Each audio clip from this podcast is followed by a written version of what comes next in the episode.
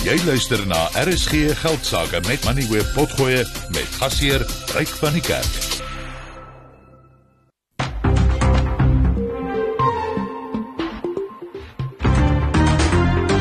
Jy luister na RSG Geldsaake met Ryk van die Kerk, jou betroubare bron vir sake en beleggingsinsigte.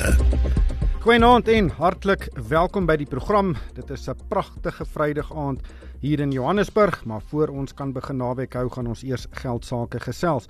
Soos gewoonlik op 'n Vrydag aand gesels ons oor persoonlike finansies en ek gaan in die laaste deel van die program luisteraars se vrae aan 'n paneelkenner stel en hierdie paneel vanaand is Amri Thomas. Hy's 'n portefeuljebestuurder by Abex Beleggings en ook Rikus Nel, hy's 'n welvaartbestuurder by PSG Wealth. En uh, luisteraars kan vir my vra stuur per SMS 45889 is die nommer dit kos R1.50 en dit kan vra wees oor enigiets wat met geld te maak het beleggings aftrede spaar uh, stuur gerus daardie vraag na 45889 toe en dan sal ek dit aan uh, Omri Enriques stel. Maar voor ons daarby kom, gaan ons kyk na 'n in inisiatief van die JSE. Nou daar skynbaar 4.5 miljard rand se onopgeëiste dividende en die beurs gaan nou met 'n veldtog begin om die eienaars van hierdie geld te soek. So daar is uh, seker duisende mense in die land wat uh, dalk 'n check of twee kan kry of 'n deel van hierdie 4.5 miljard rand en ek gaan met Ursula Deploy van die JSE gesels oor presies wat uh, mense kan doen om te kan kyk of daar nie dalk 'n uh, paar sente is wat hulle toekom nie. Dan was daar verlede jaar baie ongelukkigheid toe die departement van indiensneming en arbeid streng rasteikens vir werkers van maatskappye met meer as 50 werknemers voorgestel het. Dit was uiters spesifieke teikens wat selfs bepaal het watter rassegroepe sekere bestuursposisies in maatskappye kan beklee. Verskeie partye was baie ontsteld en die teikens is as ongrondwettig beskryf. Die departement het toe die regulasies teruggetrek en het nuus gister gepubliseer wat op die eerste oogopslag baie eenvoudiger en meer pragmaties is. Ek gaan met Hugo Pinaar van Klif Dekker Hofmeyer daaroor gesels. En dan gaan ek ook gesels met Toby van Heerden van 10X oor nuwe navorsing wat wys dat al hoe meer werkgewers nie daarvoor te vind is dat mense na hulle besigheid of hulle maatskappy se amptelike aftrede ouderdom verder werk nie. Nou in baie gevalle wil mense langer werk want uh, hulle het nie genoeg gespaar vir aftrede nie. So as hulle nou gedwing word om af te tree, kan dit eh, 'n uh, baie groot probleem skep. Maar uh, kom ons kyk eers wat het op die markte gebeur en dit beteken oor na Henko Kreer. Dankie Ryk, goeienaand. Amerikaanse markte is mooi en groen met die S&P 500 nou 0,7% stewiger en die Nasdaq tans 1,2% hoër. Europese markte het in die groen gesluit, die Duitse DAX en die CAC 40 elkeen 0,5% stewiger en die FTSE 100 0,1% hoër maar ongelukkig het die JSE vandag 0,1% laer gesluit en daal tot 'n vlak van 74382 punte. Die Hulbron indeks sluit 1,4% swakker. Die finansiële indeks het onveranderd gesluit, maar die nywerheidsindeks was vandag 0,6% hoër. Naspers het vandag amper 3% gewen en ons sien British American Tobacco en Prosus het elkeen 2,3% stewiger gesluit, asook Standard Bank en IBM InBev wat elkeen 1.5% gewen het. Anglo daarenteen het 1.5% verloor, maar MultiChoice wat uh, waarvan die aandeleprys gister uit sy vel gespring het, het vandag 'n bietjie teruggekom aarde toe en die MultiChoice groep verloor vandag 5%. Dan ook IECI en Goldfields het elkeen 4% laer gesluit. Northern en Exxaro elkeen 3% af en dan het Trinet, Sasol, Old Mutual en Amplats elkeen 2% swakker gesluit.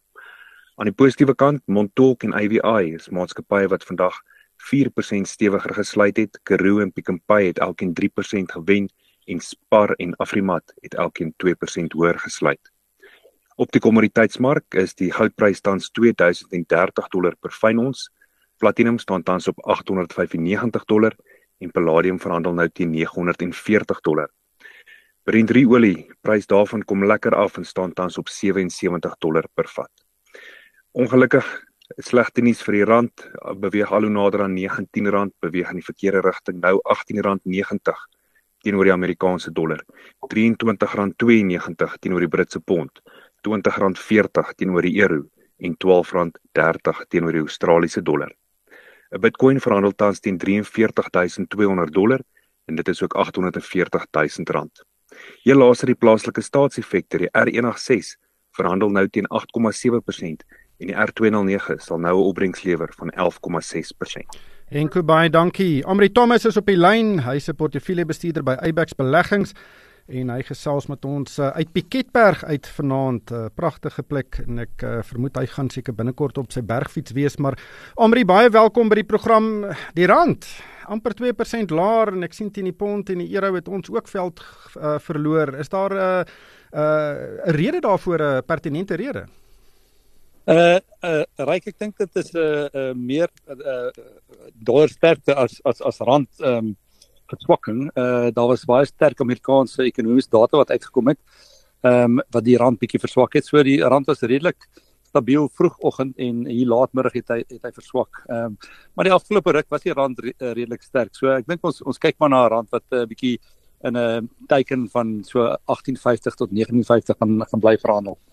Ja, 1850 tot 1950, dis 'n wye uh wat mens dit uh area waar hy kan beweeg en veral met uh, met ja. die olieprys wat ten minste dan nou 'n bietjie laer is. Ek ek het nou al gesien as ek ook daai daai motor vol maak, dan kners jy op jou tande. Dit het regtig 'n groot impak. So hooplik kan die die rand dan 'n bietjie veld terugwen. Um 'n paar interessante maatskappy aankondigings vandag. Uh seker die grootste is Sanlam. Sanlam wil Ashrupol koop vir 6.5 miljard rand. Uh wat dink jy van die transaksie? Ryk, ek dink dis 'n uh, ek dink dit pas presies in my Sanlam strategie.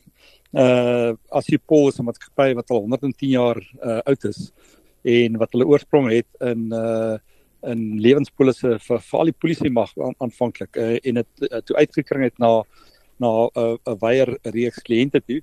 Maar ek ek dink dit pas in by by wat wat Sanlam bied en hulle sal nou deel word van die groter Sanlam stal.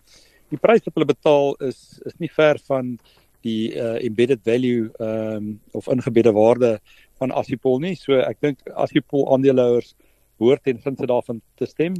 En uh ja, ek dink uh ehm uh, in geheel is dit 'n goeie transaksie. Dink jy daar's dalk gegee die moeilike ekonomiese toestande wat ons het 'n konsolidasie wat plaasvind. Ehm um, Alexander Forbes het ook die die Outwest besigheid gekoop ehm um, en hier is nou ook 'n 'n groot ehm um, speler Sanlam wat nou 'n kleiner versekeringsgroep ehm um, deel van sy groep maak. Dink jy daar is 'n konsolidasie of is dit goeie koopgeleenthede nou vir hierdie maatskappye? Rykte as definitief ehm um, uh ehm um, skaal voordele as mens ehm um, so uh 'n kleiner maatskappy op die groter basis sit, veral vir uh vir 'n maatskappy wat 'n as as dit 'n klomp uh individuele transaksies is byvoorbeeld, as dit 'n klomp klein polisse is.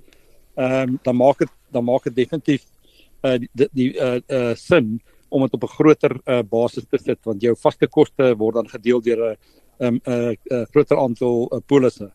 So ek ek dink ons kan hierdie konsolidasie bly sien gebeur. Die vraag is natuurlik uh, of die kompetisiekommissie dit sal sal toelaat want uh, dit verminder die kompetisie al hoe meer. Ehm um, maar ek dink in in in hierdie geval uh, behoorde daarom deur te gaan. Dan het Vodacom, die groot selfoongroep, 'n uh, uh, handelsverklaring uitgereik. Dit was vir die laaste 3 maande van verlede jaar en dit is dit lyk relatief sterk. Omset amper 10% hoër, maar dit sluit 'n 'n stewige bydra in van die Egiptiese besigheid wat hulle nou onlangs nou bekom het en en dit lyk asof hierdie Egiptiese besigheid in die toekoms vir hulle baie kan beteken. Ryk die Egiptiese besigheid groei teen 'n geweldige koers. Ehm um, in in plaaslike terme uh, is dit is dit 'n baie goeie besigheid. Die probleem wat Vodacom het is sedert hulle dit uh, die besigheid gekoop het, is daar geweldige uh, uh geldpresiasie gewees. So die Egiptiese pond pond het het omtrent in mekaar gestort. Inflasie is is heeltemal buite beheer in in in Egipte. So die sterk groei wat mens daar sien, moet mens ehm um, ook sien aan die hand van die inflasie wat hulle daar wat hulle daar het. So die uh um reguleerder in in in Egipte byvoorbeeld het nou goed gekeer dat uh Vodacom hulle pryse kan opsit met 15% uh vir mobiel en 30% vir vaste lyn besigheid. So dit is die die van prysverhogings wat wat daai um verbruikers uh, in die in die, in die oog staar. Maar ondanks dit uh toon hulle sterk groei. Dit net hulle omskakeling in randwinste wat wat bietjie onder druk is oor die oor die pond so onder druk is. Uh maar verder uh Vodacom in Suid-Afrika, ek dink dit is bietjie beter gedoen as as wat die mark verwag het. Ehm um, Suid-Afrika redelik ehm um, uh uh volwasse al en dit is hoekom baie van ons selfmaatskappye kyk om uit te beweeg buite Suid-Afrika. So Vodacom wat in Egipte in beweeg het, MTN wat groot is in Nigerië en en Afrika het maar sy eie uitdagings. Ehm um, en weer eens hierso het ons dit nou gesien met Vodacom met die Egiptiese pond wat so onder druk was. Ja, uh die aandeleprys vandag 1,6% laer, uh R93.76. Maar uh, sedert die begin van die jaar en dis basies uh, in Januarie die aandeleprys met uh, amper 12% geval. So daar is druk op die aandeleprys.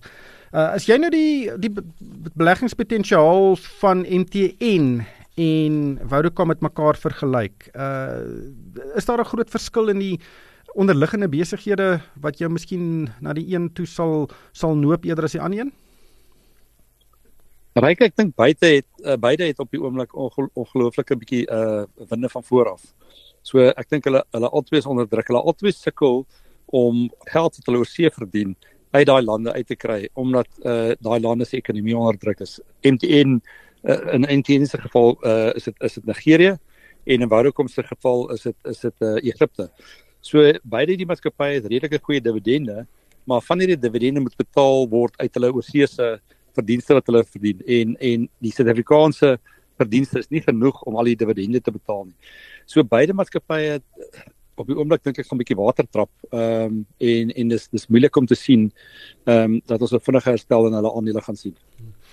Dan Meta, nou dis 'n uh, Amerikaanse maatskappy, dit besit Facebook en hulle het ook resultate aangekondig en natuurlik Meta is een van die grootste maatskappye in die wêreld en hulle het hulle winste um, vir 3 dubbel en hulle heel eerste dividend verklaar en die aandeleprys spring vandag met meer as 20%. Dis nie sleg nie. Dis reg, dit is ongelooflik as mens vat dat die markkapitalisasie van van Meta, Facebook uh wat wat wat is nou die nuutste naam wat hy genoem word is is is nou Meta. Ehm uh, dan is dit ek dink naby aan die grootste individuele stygings van 'n maatskappy in terme van totale dollarwaarde op op een dag in die in die geskiedenis. Ehm um, so dit is dit is ongelooflik goed. Nou dit het die mark uh totaal en al, al verras uh beide dat hulle verdienste beter was as die mark uh, uh verwag het, maar tesame met die, die dividend wat hulle betaal en dan het hulle ook aangekondig dat hulle tussen 50 en 60 miljard dollar se aandeel terugkope gaan koop uh gaan gaan doen wat ook wys dat hulle ehm um, redelik vertroue het in die in die maatskappy se toekoms. So hierdie ehm um, en dit is een van die wat hulle noem die Magnificent 7. Ehm um, en uh, en uh, sover het beide Amazon en en ehm um, uh Meta uh goeie resultate wat uh die uh, mark positief gevat het uh vrygestel. En as mens nou kyk laas jaar was hierdie sewe maatskappye die grootste dryfveer hoekom die uh, Amerikaanse mark op was. As jy dit uitsluit, ehm uh, is dit 'n baie ander prentjie wat mens sien. Ja, die markwaarde van Meta is 1,22 trilljoen dollars. So as my wiskunde reg is, dan is 'n 20% uh, toename is omtrent 240 uh, miljard dollar se se toename in een dag. Dit is nogal wesentlik. Ehm um, soos jy sê ja, op hierdie maar maar, maar uh, skakel dit om na rande toe uh, ryk ek kyk as jy 'n nommertjie kan reg sê. Ehm um, Ja, dan sit so oor die 20 trilljoen rand, is dit nie? dis dis ja. dis uh nee, dit is dit is veelvoude van Suid-Afrika se BBP. Nee, skrikwekkend ja. Ja, nee, dit is uh dis skrikwekkend en ek dink baie buitelandse fondse wat in Suid-Afrika bemark word, het seker blootstelling aan Meta en seker ook verskeie van die ander groot tegnologie platforms so daardie meevaller sal dalk deurvloei na 'n groot aantal mense in Suid-Afrika. Vir die belangrikste sake nuus skakel in op RSG Geldsaake. Dividende is geld wat groot maatskappye aan hulle aandeelhouers uitbetaal. Dit gebeur gewoonlik uh, elke 6 maande of jaarliks en baie mense belê in maatskappye met die uitsluitlike doel om gereelde goeie dividend te ontvang. Maar daar is skynbaar sowat 4.5 miljard rand se onopgeëiste dividende en die JSE het nou 'n veldtog van stapel gestuur om die mense op te spoor aan wie dit behoort. Ursula De Plooy is uh, op die lyn sy's van die JSE. Ursula, baie welkom by die program. 4.5 miljard rand is baie geld en baie mense in Suid-Afrika kan seker uh, baie dinge daarmee doen. Uh, mag jy eers vir ons 'n bietjie agtergrond? Ehm um, hoekom is hierdie geld nie reeds aan die regte mense uitbetaal nie? Hallo Ryk, ag baie dankie en dankie dat ons bietjie oor hierdie sent hierdie saak kan praat want ehm um, Ja, 4.5 miljard rand is baie baie geld. En ehm um, meeste van die tyd is dit ons minder bevoorregte mense wat belê het in in in aandele en nie weet regtig wat beteken dit om 'n aandeel te hê nie. So daai mense is op is is iewers in in Suid-Afrika maar hulle weet nie daar's 'n dividend nie. Dan het ons natuurlik ons oom en ons tannie wat ehm um, nog in papier sit en hulle is nou oorlede en en hulle kinders weet nie dat daar regtig um dividende vir hulle is nie. En dan is dit natuurlik die man op die straat wat wat sy bankrekening verander of hy hy hy verander sy selfoon of hy verander adres en dan het ons geen data van daai um aandeelhouer nie. En hulle word daar's nie regtig 'n platform vir hulle om hierdie data um op op te update so sodat ons weet waar om hierdie mense te vind nie. So dis 'n klein bietjie van verskillende mense in die mark ryk. Weet jy hoeveel mense daar is wat dalk uh wat die gedeur geraak kan word? Weet jy nou net by jy by by by jy by die by die JSE se sekretaris besigheid wat nou 'n 100% subsidiary is van van die JSE. Ehm um, het ons ongeveer omtrent 700 000 aandeelhouers wat verlore is. Of wat ons vir aandele skuld dividende skuld 700 000. Ag wat is vir dividende skuld? Ja. Hmm. Dis 'n groot groot bedrag bedrag ryk. Ja, dit is 'n groot aantal mense. Ehm um, is dit 'n geval ook dat mense dalk die aandele reeds verkoop het, maar net nie die dividende gekry het nie of uh, moet hulle steeds die aandele hou? Weet jy ryk, dis baie keer um, ouetjies wat um, nog in papier is wat nog nie gedematerialiseer het nie. Want kyk, hulle moet eers dematerialiseer voordat ons vir hulle hulle aandele um, um, kan uitbetaal, maar hulle kan nog steeds hulle dividende kry. Dis meeste van die tyd data wat nie skoon is nie, wat ons nie in die ou tyd toe ons aandele uitgedeel het of toe maatskappye aandele uitgedeel het, het hulle nooit die die ID nommer gehad nie. Hulle het nie regtig besonderhede oor hierdie aandeelhouers gehad nie. So die meeste van die tyd is dit mense wat nie eers weet dat hulle aandele het nie. Ja, as jy nou praat van dematerialiseer, uh, dan is hmm. dit uh, die omskakeling van jou ou ehm um, papier aandele sertifikate in 'n elektroniese vorm. En dit het hier in die as ek reg onthou hier rondom die 2000 gebeur. Ehm um, maar daardie ou papier sertifikate is nog geldig. Maar ek het nou vinnig die som gedoen 4.5 miljard rand gedeel deur 700 000 mense. Dit dan werk dit uit omtrent op uh, so 6400 rand per persoon. Uh, dis seker nou nie vir almal dieselfde bedrag nie, maar dit is tog 'n uh, 'n cheque met 'n paar nulle op. Kyk ryk, dit is natuurlik baie meer as 700 000. 700 000 is maar net by ons wat by by by die JAS JIS is. Daar's nog teerlik die ander ehm um, sekretarismaatskappye soos Computershare en miskien van die ander ehm um, CSDP's wat ook van daai mense het. So dis nie noodwendig net hierdie is maar net by ons klein besigheidjie wat na 100 geluister maatskappye kyk wat ons 700 000 aandeelhouers het vir wie ons hierdie dividende moet uitbetaal. Nou so, dis 'n baie groter probleem as net ehm um, 700 000. Dis waarskynlik meer 2 miljoen mense. Nou, wat gaan julle doen om hierdie mense te kry?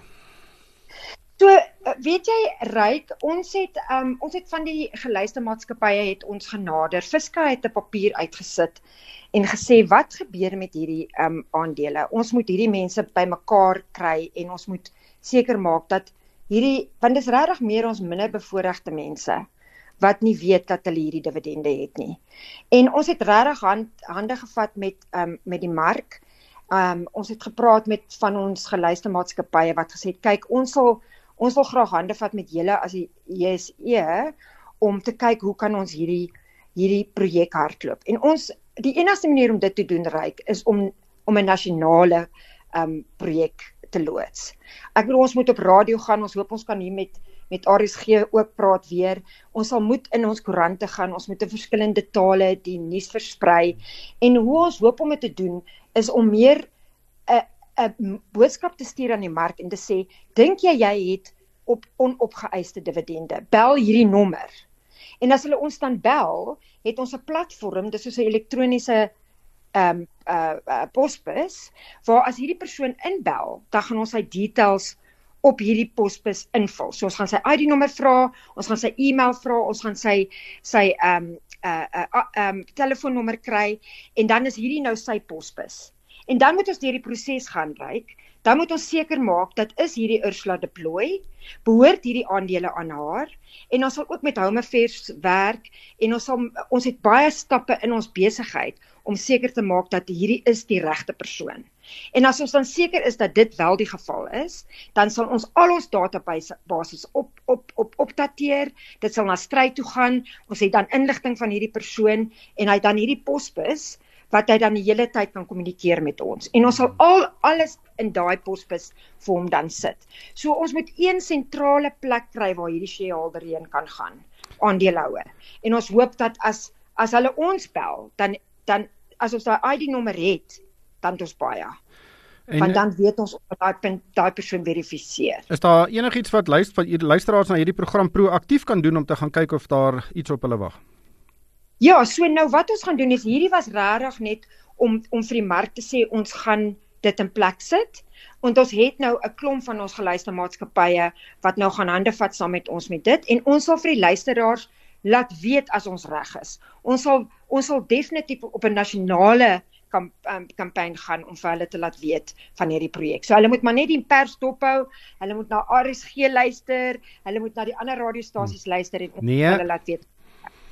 Nee, RSG is die een en uh, ek sal daai inligting deurgee verseker soos dit deurkom. Uh, Ursula baie baie dankie vir jou tyd vanaand. Dit was Ursula Deploy. Sy is van die JSE. RSG geldsaake met Moneyweb. Elke week saand tussen 6 en 7. Daar was verlede jaar baie ongelukkigheid toe die departement van indiensneming en arbeid streng rasteikens vir werknemers van maatskappye met meer as 50 werknemers voorgestel het. Dit was uiters spesifieke teikens wat selfs bepaal het watter rasgroepe sekere bestuursposisies in maatskappye kon beklee. Verskeie partye het die teikens as ongrondwettig beskryf en die departement het toe die konsepregulasies teruggetrek nadat dit 'n ooreenkoms met die vakbond Solidariteit gesluit het en dit is nadat Solidariteit 'n klagte by die internasionale arbeidsorganisasies gelê het. Die departement het gister nuwe konsepregulasies in die staatskoerant gepubliseer wat die bemagtigingsteikens wesentlik vereenvoudig en dit is ook heelwat meer pragmaties. Die nuwe regulasies het byvoorbeeld net nasionale teikens en geen provinsiale teikens soos in die vorige regulasies nie. Dit verwys nou ook na mense uit aangewese groepe en nie na individuele rasgroepe soos indiërs, swart en bruin mense nie. Op die lyn is Hugo Pinaar, hy is 'n arbeidsspesialis by Klif Dekker Hofmeyer. Hugo, baie welkom by die program.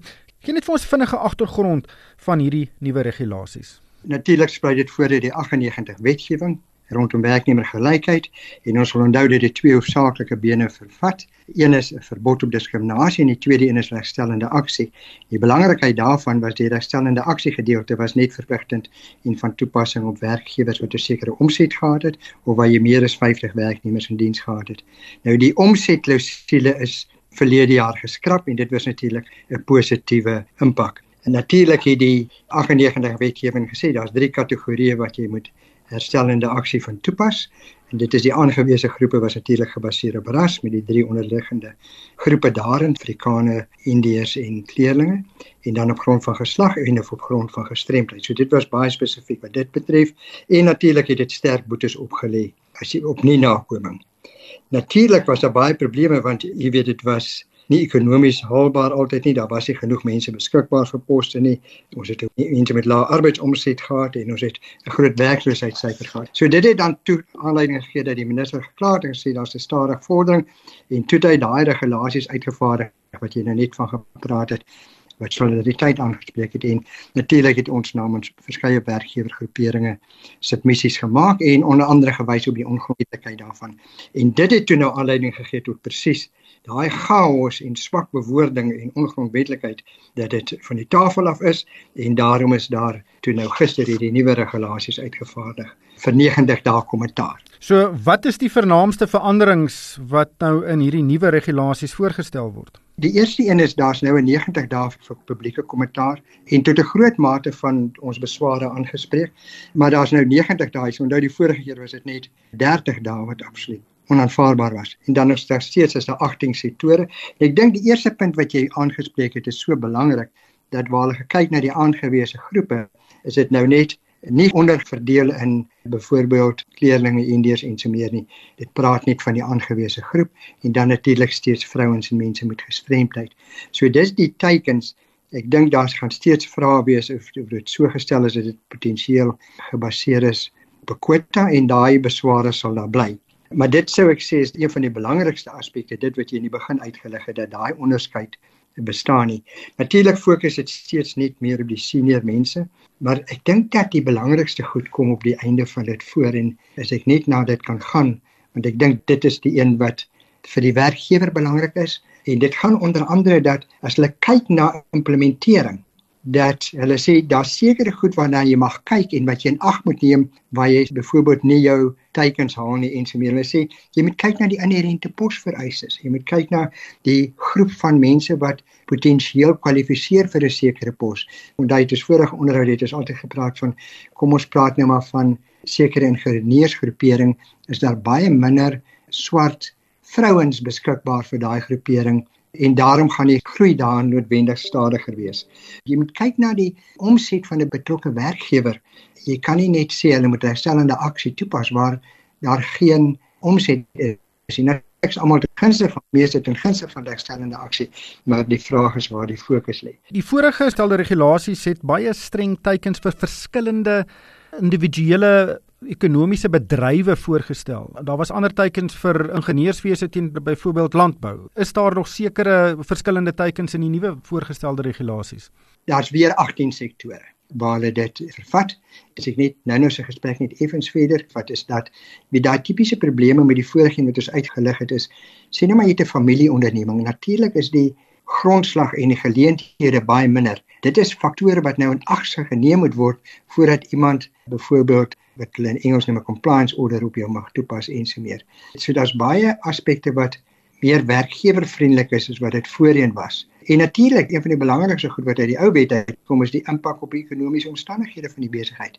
Jy weet, ons sit in 'n omgewing waar mense in oorlewing is en dit moet hulle fokus wees en hopelik ook die land se fokus wees dat ons werk skep.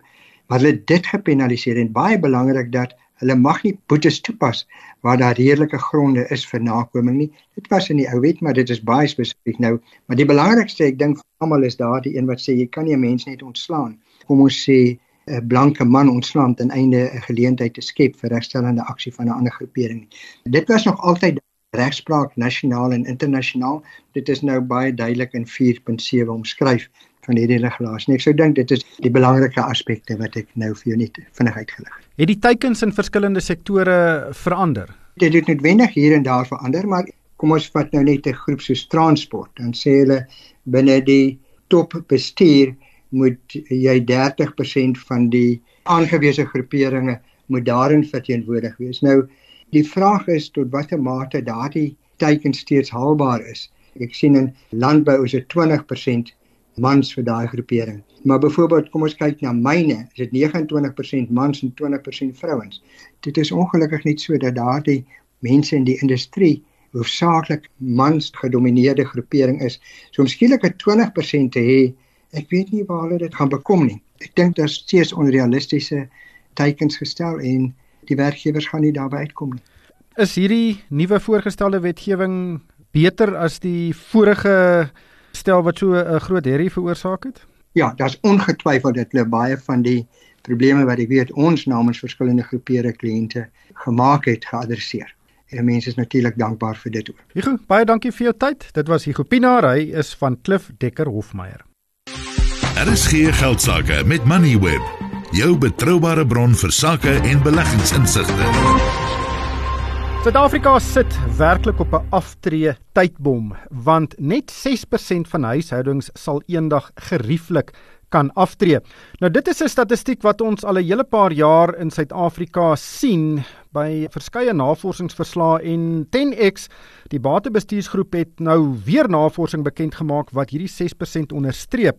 Die groep het ook bevind dat die meerderheid mense in die land wat 'n maandelikse inkomste van R6000 of hoër het, nog nie vir aftrede begin beplan het nie en die wat wel begin beplan het, is bekommerd dat hulle nie genoeg geld gaan hê nie. Toby van Heerden is op die lyn. Hy is die uitvoerende hoof van 10X. Toby, baie welkom by die program. Voordat ons nou oor die statistiek gesels, wat is die definisie van iemand wat gerieflik kan aftree? Wat beteken dit? So die definisie van iemand wat gerieflik kan aftree is basies iemand wat die dag voor hy aftree en dag nadat hy afgetree het nie bekommer is dat hy vir sy onkoste kan betaal nie. Hy het basies dieselfde lewensstandaard voor aftrede en na aftrede.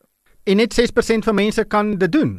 Ja, so 'n nommer wat baie konstant gebly het die afgelope 6 jaar, maar daar's ander nommers daaronder as jy bietjie dieper gaan wat wys dat lyk nie of dit gaan beter raak baie vinnig nie.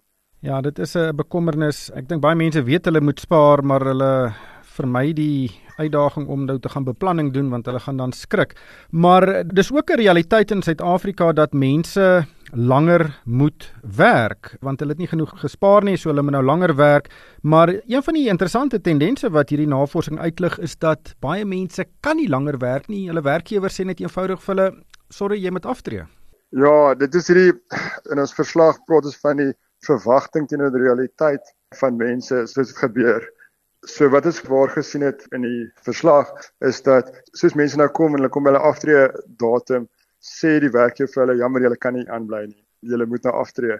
En die verhoging in daai nommer, so van tevore was dit 30% van mense in 2021 wat daar gekom het en hulle wou graag aangebly het en die werkgewer het gesê jammer julle kan nie. Hierdie jaar was dit 40%. So dis 'n 25% verhoging in die aantal mense wat by aftrede kom wat dan nie genoeg geld het om van te lewe nie.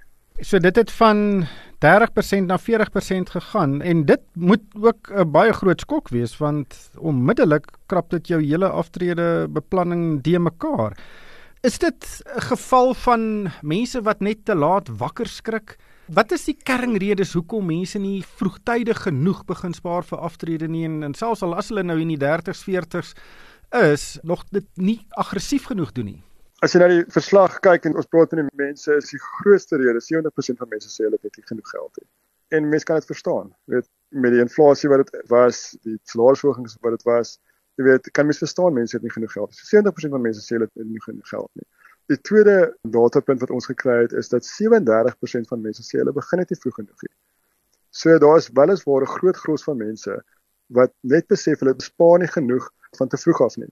So as jy nou die verwagting het dat my aftrede is 40 jaar weg, ek kan bietjie wag, as ek 40 of 50 is, gaan ek daarna begin kyk.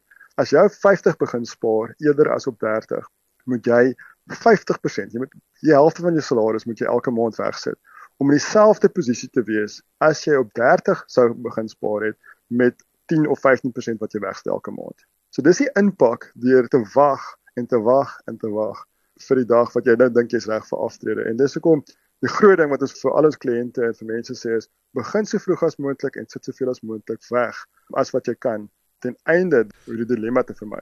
Ja, ek dink dis taamlik logies, maar dis net verstommend dat so min mense dit doen. Is dit maar net 'n bekostigbaarheidsding? Het mense net nie daardie 15-20% wat hulle kan wegsit nie of is daar 'n leefstylprobleme in Suid-Afrika of mense wat net agnosties is oor watter probleme hulle vir hulle self eendag skep? Ja, Ryk, ek dink dis definitief dis iets meer as net ons het nie genoeg geld hier, dis meer 'n wanbegrip van 40 jaar is 'n lang tyd, so dit is ver weg. En solank dit nog ver weg is, dan gaan jy nie vandag daar bekommer nie. En hoe nader jy gaan, hoe kan jy sien dat mense meer meer en meer bekommerd raak. So die feit dat dit ver weg is, doen mense net iets omtrent. Dit weet mense wat 'n slegte dieet volg want hulle kan moontlik oor 50 jaar doodgaan en hulle gaan aanhou met die slegte dieet totdat jy actually by die punt kom waar jy nou terminaal is of dit gaan regtig wel goed met jou nie. Dis dieselfde met aftrede. Jy weet dis soos enige ding, jy moet elke dag die houtjies bymekaar maak en aan die einde van die dag sal jy die waar daarby vind. So dit gaan maar oor om mense net ingelig te hou daaroor en vir hulle dan ook te wys wat die impak daarvan is. As jy nie gereeld genoeg spaar nie en as jy jou geld uit jou pensioenfondstelsel uitvat en diskresionêre goed daarmee gaan koop. Dit is maar 'n som en ons het op ons webwerf het ons baie lekker maniere hoe dit vir ons kliënte wys net daai impak vir hulle bloot te stel. En as jy dit in rand en sent kan wys, dan maak dit nog 'n groot indruk op ons kliënte. Ek pyns nou weer oor daardie 40% van mense wat geforseer word om af te tree as hulle aftree ouderdom bereik. Ek neem aan seker die gemiddelde is rondom 65. Jy kan nie eintlik beplan daarvoor nie, want daai kan 'n baie vinnige besluit wees deur die werkgewer. En dit moet dan 'n ongelooflike impak hê op enige huishouding en veral as die aantal mense wat hierdie boodskap nou kry op 65 aanhou styg en styg en styg. Ja, so die sosio-ekonomiese impak wat dit het is ongelooflik op ons land. Want wat nou gebeur is daai ouers moet nou by hulle kinders gaan bly, byvoorbeeld om koste te bespaar. So nou raak dit die kinders se probleem. Die kinders is in daardie opsig is hulle nou weer raak vasgevang met hulle eie finansiële behoeftes. So die ding raak net 'n groot sneeubal effek aan die einde van die dag en dis hoekom ek sê dit is 'n tonnel waar ons in afstaar wat nie baie goed lyk op die stadium nie. Toby, dankie vir jou tyd vanaand. Dit was Toby van Heerden, hy is die uitvoerende hoof van 10X. Besoek RSG Geldsaake se Facebookblad en kom ons gesels. Nou gaan ek luisteraars se vrae aan 'n paneel stel. Dis Amri Thomas, hy's 'n portefeuljebestuurder by Abex Beleggings en ook Rikus Nel. Hy's 'n welvaartbestuurder by PSG Wealth. Uh, luisteraars kan nog vir my 'n uh, vraag stuur 45889 en dit kos R1.50.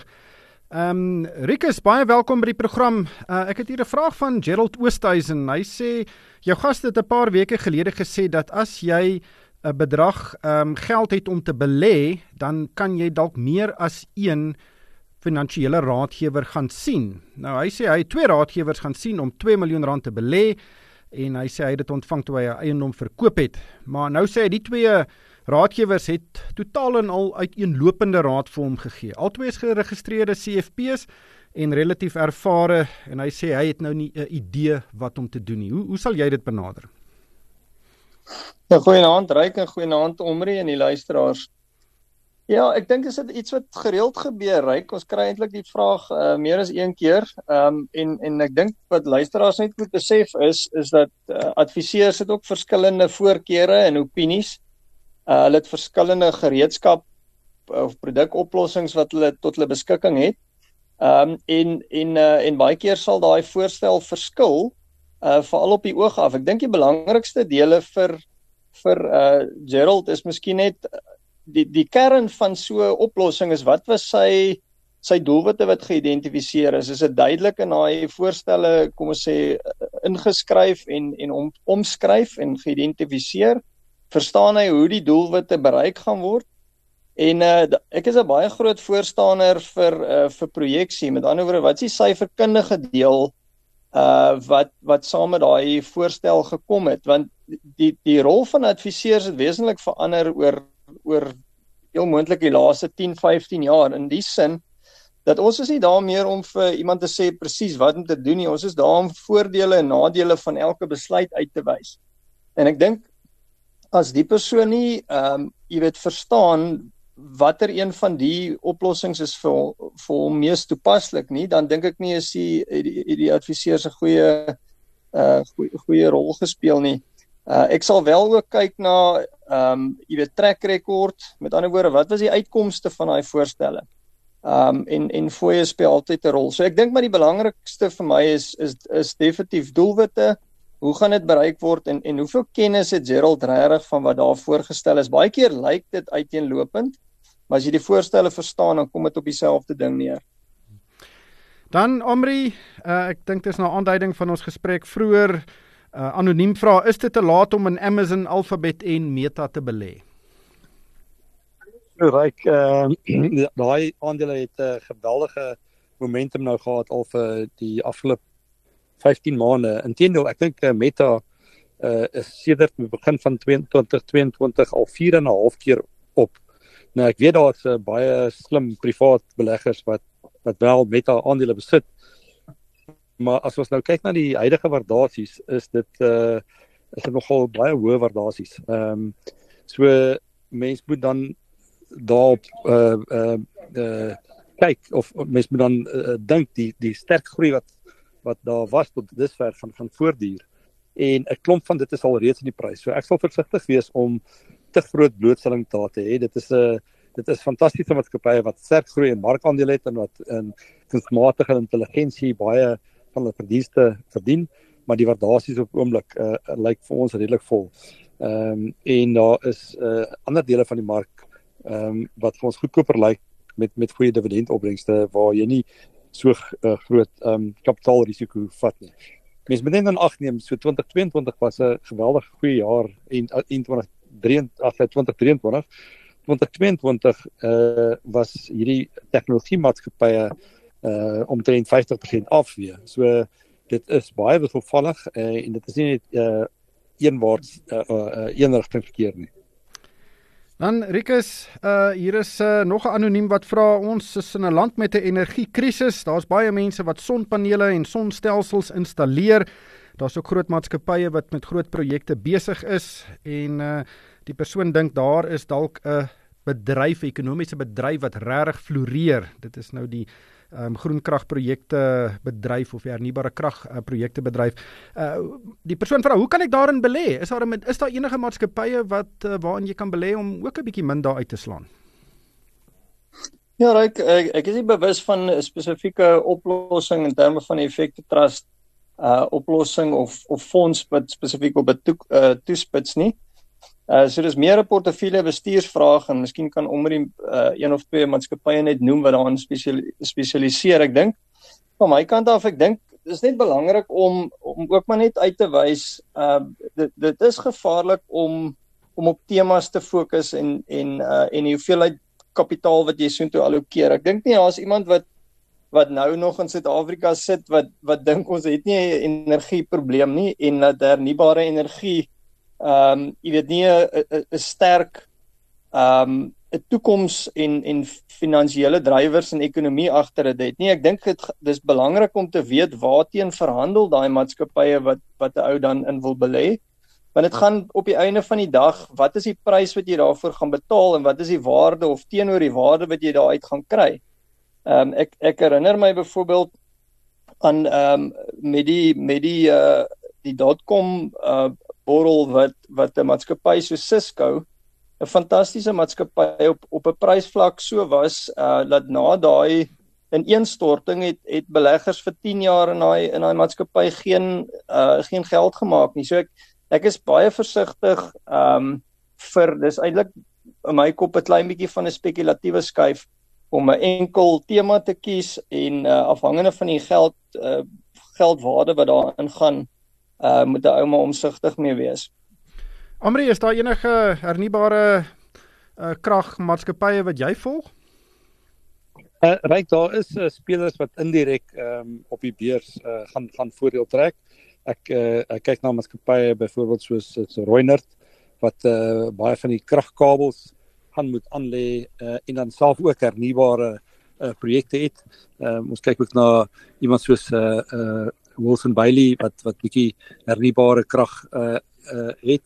Ehm um, uh Rabex uh ook 'n uh, speler in daai in daai area en dan is daar beide die Sanlam en Old Mutual het infrastruktuurfondse wat redelike groot hernubare krag ehm um, uh, produkte of of of ehm um, aanlegte het waar hulle belê. En ek dink vorentoe gaan ons van daai uh projekte sien wat op die mark begin verkyn. So ek dink beleggers moet maar net hulle hulle oë oop hou en ek dink nie dit is 'n korttermyn uh groei tendens nie. Ek dink dit is 'n industrie wat redelik sterk gaan groei nou vir 'n uh, vir 'n aantal jare. So en uh, ek dink ons is nog redelik in die begin stadium daarvan. So ek ek ek dink ons het nog 'n bietjie tyd aan ons kant daarso. Dan Rikus, ehm um, nog 'n luisteraar vra, ek sien daar is baie effekte trusts met presies dieselfde name maar dan is daar 'n 'n agtervoegsel of so 'n laaste deel wat sê dit is 'n klas A of 'n klas B of 'n klas A1 of of 'n klas B1. So die naam is dieselfde, maar dan staan daar nou klas A of klas B agter dit. Uh, wat beteken dit? Ja, ryk is dis fondse met verskillende fonds uh fooi ooreenkomste met byvoorbeeld 'n beleggingsplatform. Ek kan uh van die platforms uh speel ook in die bate uh batebestuurs uh spasie wat beteken uh, dat die platform en die fondse se name kan ooreenstem. Dit kan wees soos 'n 'n Stanley of 'n Allen Gray, uh selfs 91. Uh soms is daar fonds fooi uh voorkeure as dit op hulle eie platform is ensovoorts. So dit dui eintlik maar aan watse klas uh het het 'n spesifieke uh fooi ooreenkoms dan met 'n platform. Dit dui ook aan uh watter van daai fondse het uh is is institusionele klas fondse. Dis tipies fondse wat 'n laer um 'n fooi fooi struktuur het as gevolg van die bulk uh kapitaal wat in so 'n fonds in byvoorbeeld vloei eerder as individuele uh beleggers wat wat een een ehm um, sou sou kom belê. So dis dit dui ook die institusionele klasse aan uh teenoor dan 'n soos wat ons nou maar noem 'n retail klas of 'n verbruikers uh, enkel beleggers klas. Dan ehm um, Rikus ek bly sommer by jou hierse luisteraar wat vra is dit waar dat as jy aftree kan jy jou lewende anniteit se beleggings alles in die buiteland sit Ehm um, of moet jy 'n deel daarvan nog in Suid-Afrika hou? Ja, sê is 'n baie interessante vraag. So wetgewend is is daar nie 'n beperking nie. Uh 'n mens kan uh, 100% van daai kapitaal in in risikobates, byvoorbeeld aandele, buitelandse aandele gaan belê of buitelandse rente vaste rente instrumente wat baie van die platforms uh egter ervaar op die oomblik is as gevolg van die gewildheid van buitelandse belegging So almal uh, ge gebruik as ek die Engels kan gebruik, gebruik hulle um asset swap kapasiteit. Met ander woorde, elkeen van hierdie batebestuurders het 'n sekere toegekende of goedgekeurde hoeveelheid geld wat buiteland toe kan gaan uh en en uh met die reservebank en uh daai kapasiteit kan by tye onder druk kom en dan wat hulle doen met met die platforms is om te sê maar ehm um, jy weet daar is 'n sekere beperking dit kan dalk nie meer as 60% oorskry nie of 50% en is eintlik 'n bietjie van 'n groeiende probleem. Daar is nog platforms wat geen beperking het nie. Uh, maar van die hoofstroom ehm uh, van die hoofstroom uh beleggingsplatforms het definitief reeds beperkings, maar dit het niks met wetgewing te doen nie. Dis dis dit gaan oor 'n uh, buitelandse beleggingskapasiteit. Hmm. Dan ehm um, Omri, ook 'n interessante vraag. 'n Persoon sê ek wil in die buiteland belê, moet ek uh, batebestuurders wat in Suid-Afrika is gebruik of moet ek 'n buitelandse batebestuurder gebruik want en dan sê hy hy dink dalk kan die buitelanders nader wees aan die maatskappye wat ontleed word en dus beter beleggingskeuses maak kan of kan maak. Stem jy saam daarmee? Ryk is 'n dis 'n baie interessante vraag. Ehm um, en ek dink dit is 'n siening wat baie van die van plaaslike beleggers het. So ek dink as 'n 'n 'n waterbestuurder goed is om aandele te kies, het hy 'n proses wat hy volg en of hy 'n proses volg op Suid-Afrikaanse maatskappye of buitelandse maatskappye, bly daai proses dieselfde. En deesdae is inligting uh baie wyd beskikbaar tot uh, vir almal. So ons het Suid-Afrikaanse bestuurders ehm um, wat oorseese uh, fondse bestuur wat geweldig goed doen en wat wat regtig tof in die ooskop van van internasionale beleggers. Ehm um, Suid-Afrikaners is is gewoond aan baie goed. Hulle is gewoond aan inflasie en en geldeenhede wat uit uit uh uit mekaar uitskiet en politieke onstuimigheid.